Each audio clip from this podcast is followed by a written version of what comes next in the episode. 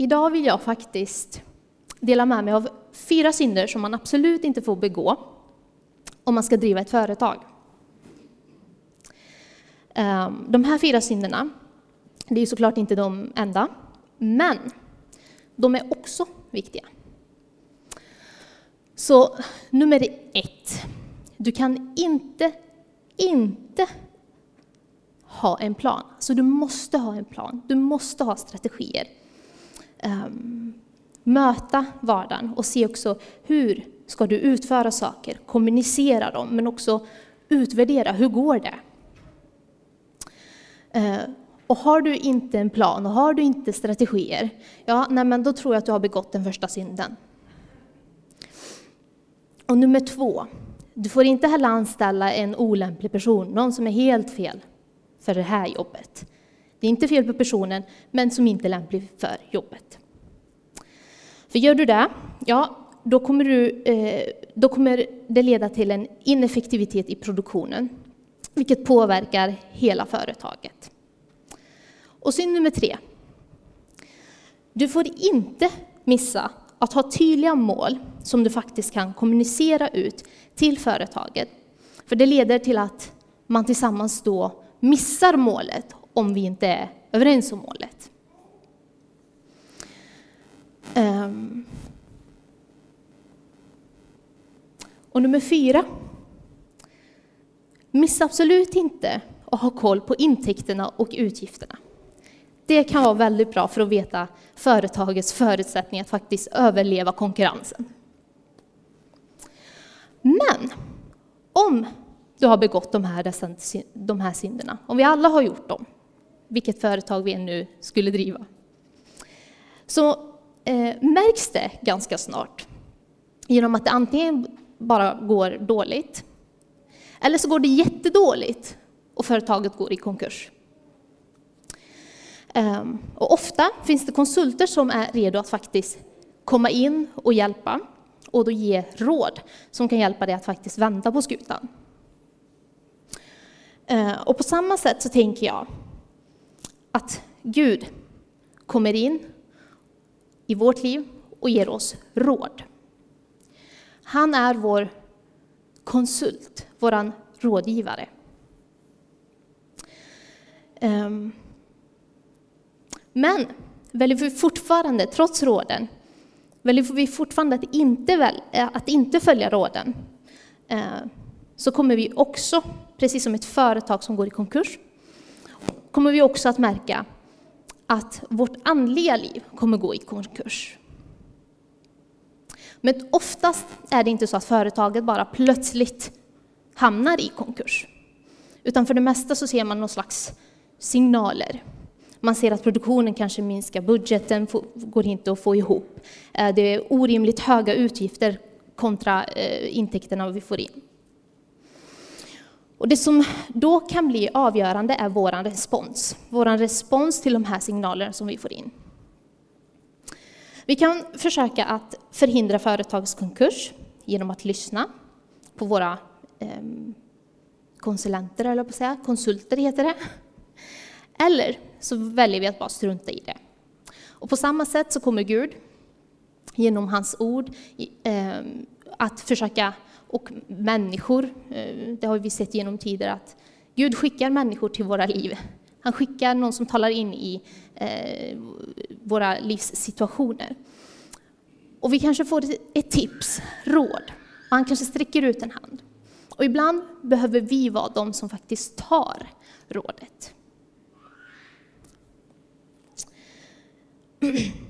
Mm. Och om vi inte begår de här fyra synderna så skulle det innebära att vi uppfyller det som krävs eh, för att uppnå vårt mål och få ett, och få ett framgångsrikt eh, företag. Och en av eh, de råd som Gud ger oss, det är råd kring just rättfärdighet. Och vad rättfärdighet faktiskt medför. Råd hur vi kan få e- råd på hur vi kan få ett rikt andligt liv. Trots synden som har kommit och korrumperat eh, eller påverkat Guds skapelse. Så vad säger då Bibeln om rättfärdighet? Ja, när man tittar närmare på begreppet rättfärdighet i Gamla Testamentet kan man se eh, att det har väldigt många betydelser. Det är kopplat till mer än bara laglydnad. Att rättfärdighet ofta också förknippas med andra begrepp som till exempel kärlek, godhet, trofasthet, renhet, räddning, hjälp, fred, framgång, eh, lycka, men också vördnad för Gud. Och tittar man istället på ordet rättfärdig så eh, fångas betydelsen bäst av ordet oskyldig. Eh, alltså att den rättfärdige, Eh, att rättfärdig kan betyda den som har rätten på sin sida inför domstolen. Och i Gamla testamentets tänkande verkar det som att, det, som att den enskilde människan eh, ses i samspel med andra människor. Alltså att rättfärdigheten kan ses utifrån en rättvis ordning. Där människors förhållningssätt till varandra bygger på att det finns en rättvis ordning till varandra. Och för varandra och med varandra. Um, ehm, och i de fall där ordet förknippas, eh, och i det fallet så är också när man pratar om rättfärdighet um, människor emellan, så är också ordet fred och välsignelse förknippat med just eh, rättfärdighet. Men allmänt sett skulle man kunna säga att, att rättfärdighet innesluter det som främjar ett gott förhållande. Ett gott förhållande mellan människor, där särskild trohet mot åtagande och överenskommelse faktiskt ingår. Och samma tänk tillämpas också på förhållandet mellan människor och Gud. Um, ja, precis. Rättfärdighet gentemot Gud är trohet mot förbundet ehm, eller kontraktet som man har med Gud. Ehm, och när Gud själv kallas för rättfärdig kan betydelsen vara rättvis. Mm. Och ofta betyder Guds rättfärdighet, att han är trofast mot den som försöker leva ett rättfärdigt liv. Och i Hesekiel och Mika kan man finna att när man pratar om Guds rättfärdiga gärningar eller verk så är det detsamma som att eh, få hjälp eller få seger som han ger till sitt folk. Så tydligt skulle man kunna eh, kortfattat säga att närvaro av rättfärdighet Tydligt kan man säga att i närvaro av rättfärdighet finns liv, goda relationer, frihet och fred.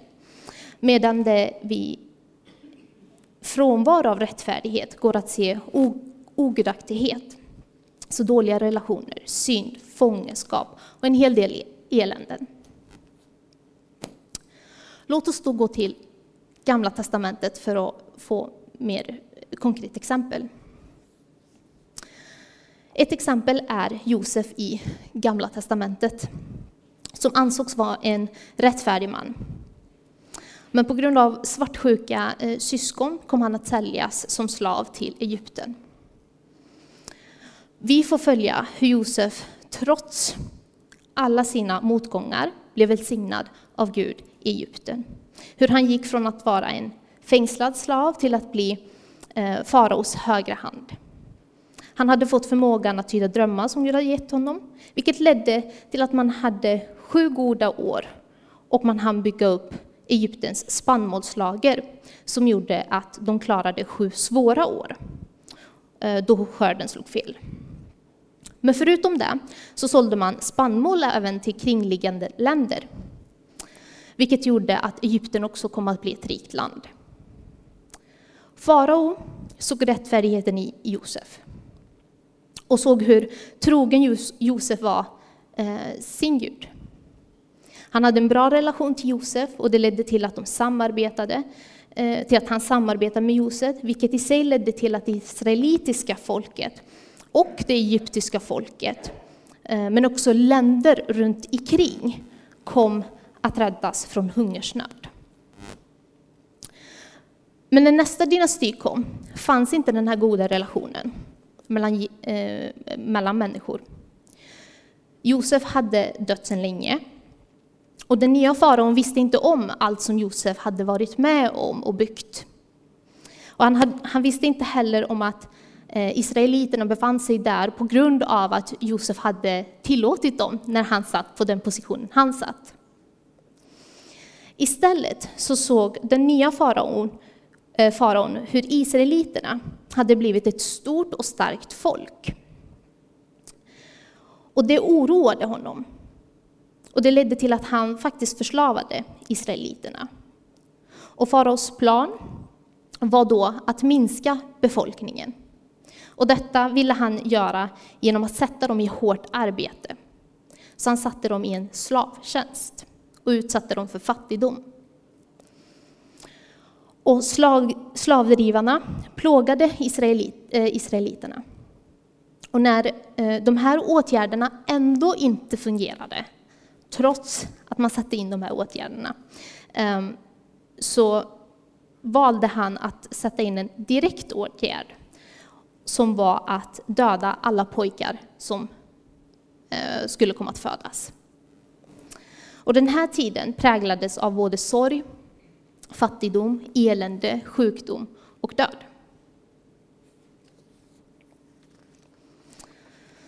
Men Gud är trofast och med rättfärdiga gärningar som vi läste om förut eh, så kom han att rädda sitt folk. Och det ledde då till att Gud utvalde Mose till att leda israeliterna ut ur Egypten. Och det andra exemplet jag har, det är kungen Salomon. Efter att israeliterna befriades från slaveriet i Egypten var Gud väldigt nära sitt folk. Och när israeliterna kom till det förlovade landet, till det, till det, till det landet som Gud hade lovat dem att de skulle få, då sa han eh, återigen att jag vill fortsätta vara nära er. Och han utvalde kung Salomon att bygga ett tempel åt honom. Och kung Salomon, ehm, och just det, och till det här templet så knöt, eh, så knöt han, eh, han, eh, med det här templet så kom det en massa löften som, Israel, som det israelitiska folket hade fått. Eh, och löftena var bland annat att oavsett vad som drabbade folket så skulle Gud själv hjälpa dem om de bad i templet. Ehm, och från templet utlovades också förlåtelse, välgång, räddning och fred. Och även icke-judar skulle komma att lära känna Gud genom det här stora, pompiga tempel. Så när Salomon blev kung så byggdes templet och smyckades med bland annat guld och dyrbara stenar. Men, och, och templet var ett av de mest påkostade byggnaderna som någonsin byggts under den här tiden. Och Guds ark placerades i det allra heligaste. Och Gud valde att visa sitt behag genom att fylla templet med sin närvaro och sin härlighet. Och när man läser om Salomos tempel så framstår det som att det var Guds kungliga palats på jorden. Salomos tid eh, som regent kom att troligtvis anses som den mest fantastiska tiden någonsin i Israels historia. Salomos välde och rikedom var överväldigande och vi får eh, läsa om att fred rådde under hela hans livstid. Om vi nu har med oss det som eh, jag nämnde förut, det som förknippas med rättfärdighet ehm, och ser hur ehm, Salomo påbörjade sin regeringstid så kan vi se att han började med att eh, skipa rättvisa han såg till att de människorna som inte hade fått sitt straff under Davids, vilket, eh, under Davids tid, vilket var hans far som var kung innan. Ehm, han såg till så att de människorna som hade begått de här hemska straffen eh, hade fått deras brott, eller skulle få. Och utöver det så utmärktes också hans rike eh, på väldigt många andra sätt. Förutom freden så ansågs Israel, eh, så var Israel högt aktad bland andra nationer. Eh, under Salomos regeringstid hade Israel fantastiskt inflytande på, eh, på riken runt omkring, som, runt omkring den och hade också som nation en utmärkande överlägsenhet. Så i det här fallet Eh, skulle jag säga att Salomon alltså inte har begått de där fyra synderna jag pratade om, utan business is going good. Men trots att Salomon hade börjat sin tid som en rättfärdig kung hade han senare letts på felaktig väg efter att ha gift sig med avgudadyrkande kvinnor och själv börjat avguda andra gudar. Det judiska folket vacklade mellan ljum religiositet och ren avgudadyrkan.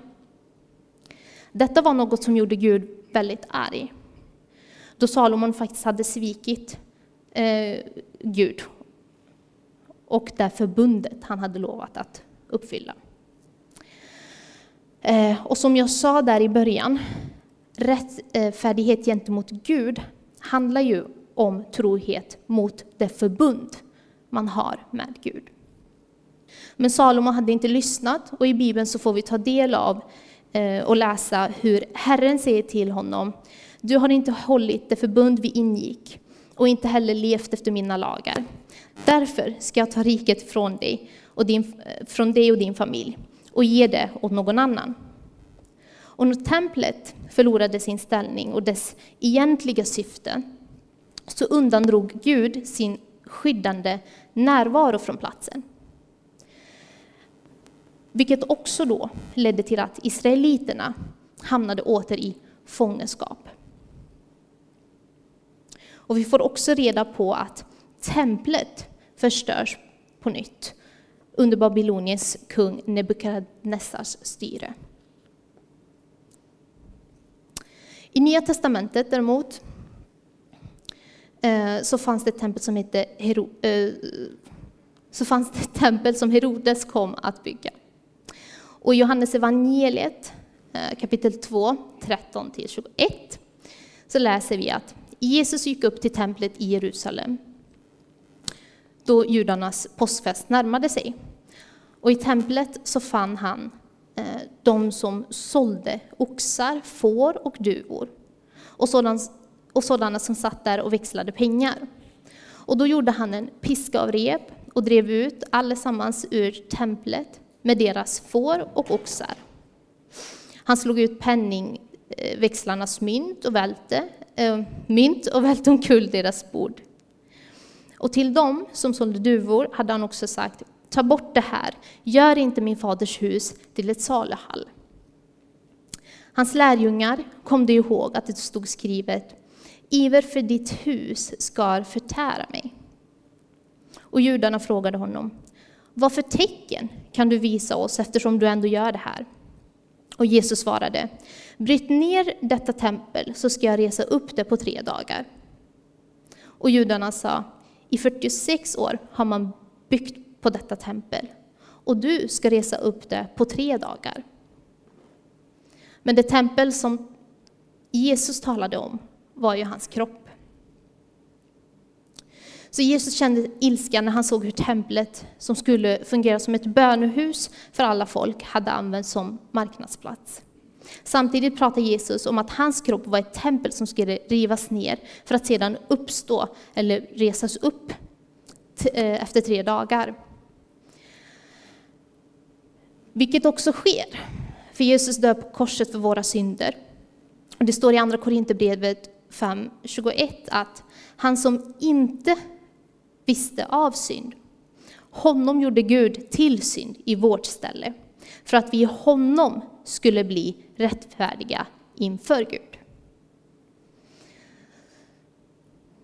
Så rättfärdighet i Nya testamentet innebär också att man lever ett heligt liv. Ett liv som ärar Gud, ett liv som gläder Gud. Vilket är motsatsen till ogudaktighet. Och, och tidigare kunde vi se att där orättfärdighet fanns kunde också närvaro av bland annat ödeläggelse, fördärv, fångenskap, elände, sjukdom och död infinna sig. Vilket också är det som drabbar Jesus på korset, när han tar på sig våra synder. Och, han, och hans kropp, som han säger är ett tempel, sargas. Jesus piskas, förnedras och spikas fast på det korset som egentligen är vårt straff. Hans tempel är alltså ödelagt. Precis på samma sätt som Salomos tempel, som ödelades efter att han och israeliterna inte levt rättfärdigt. Men Gud gör mer än bara låter sin son dö på korset. Vi läser i olika bibelverser eh, att Gud uppväcker Jesus från döden. Och det, eh, och det står också att vi blir rättfärdiga genom att vi eh, tror på att Jesus dött för oss och inte genom våra egna gärningar. Och det medför också allting annat som är förknippat med rättfärdighet. Men förutom allting annat som vi har pratat om, som är kopplat till rättfärdighet, så får vi också hans frid. För Jesus säger Jesus säger att han har kommit för att ge oss hans frid. En frid som övergår allt förstånd. En frid som kan kännas eh, trots att den här världen är trasig. Trots att det är tungt, trots att det kan vara mörkt. Och utöver det så vill jag också göra en koppling till Guds tempel. Då Paulus i första Korintierbrevet nämner att Vet ni inte att er kropp är ett tempel åt den helige Ande som bor i er och som, och som ni har fått av Gud? Och att ni inte tillhör er själva. Då tänker jag att vi ständigt måste närma oss Jesus, om det är han som är vår rättfärdighet. Och låta också den helige Ande som faktiskt bor i oss forma oss och också leda oss. Och gör vi det så tror jag också att det kommer naturligt av sig självt att vilja vara rättfärdig. Men trots det är det endast Gud som kan vara fullt ut rättfärdig. För även om vi alla är orättfärdiga på olika sätt, där vissa av oss kämpar med avgudadyrkan, där vi kanske avgudar oss själva, vårt jobb, våra studier, eller vad det nu kan vara som distraherar oss ifrån Gud. Eller kanske till och med kämpar med att eh, ha medkänsla med oss själva eller med andra människor. Så tror jag fortfarande att Jesus, när han kom och tog våra synder på korset, så utmanade han oss lite mer. För han, upplever jag, höjde ribban något. För då tittade han inte längre på de materialistiska sakerna eller på våra handlingar, utan han började istället titta på vad vi hade i vårt hjärta. Och han bad oss att ransaka vårt hjärta. För det som förut var, du ska inte mörda, för den som mördar ska dömas, blev nu också, jag säger er, det räcker med att man blir vred på någon, så ska man dömas. Men det som är hoppfullt är att Paulus skriver i Filipperbrevet att jag är övertygad om att han som har påbörjat ett gott verk i oss också ska fullborda det tills Kristus kommer.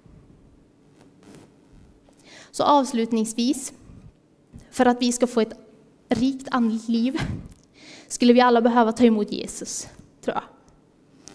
Han, han, han helar, han uppmuntrar, han omfamnar, han omsluter.